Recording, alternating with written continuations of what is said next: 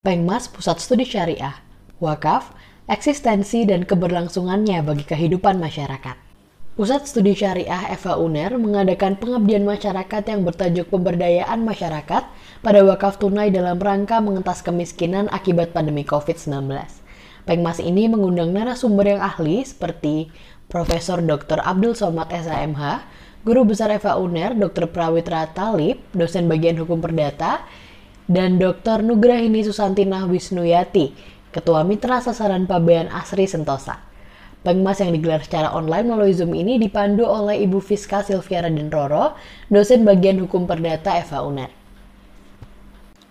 Di dalamnya memaparkan tentang pemberdayaan masyarakat untuk dapat memenuhi kebutuhan hidup sebagai kegiatan untuk meningkatkan perekonomian dengan pemenuhan hak dasar seperti kecukupan dan mutu pangan, akses kesehatan, pendidikan, kesempatan kerja, akses dan layanan perumahan, keamanan dan sanitasi, kepemilikan dan penguasaan tanah, sumber daya alam, keadilan dan kesetaraan gender, serta rasa aman.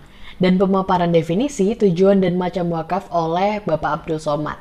Beliau menjelaskan cara melakukan optimalisasi wakaf dengan cara melakukan pengenalan, pemberdayaan, dan pengembangan. Pada sesi selanjutnya, Bapak Prawitra Talib menjelaskan tentang kedudukan Puspas atau Pusat Pengelolaan Dana Sosial UNER dan Nazir UNER dalam mengembangkan wakaf. Sebagai bagian dari unit khusus Universitas Airlangga yang berkedudukan langsung di bawah rektor untuk melakukan pengumpulan, pengelolaan, dan penyaluran dana sosial yang bersumber dari masyarakat.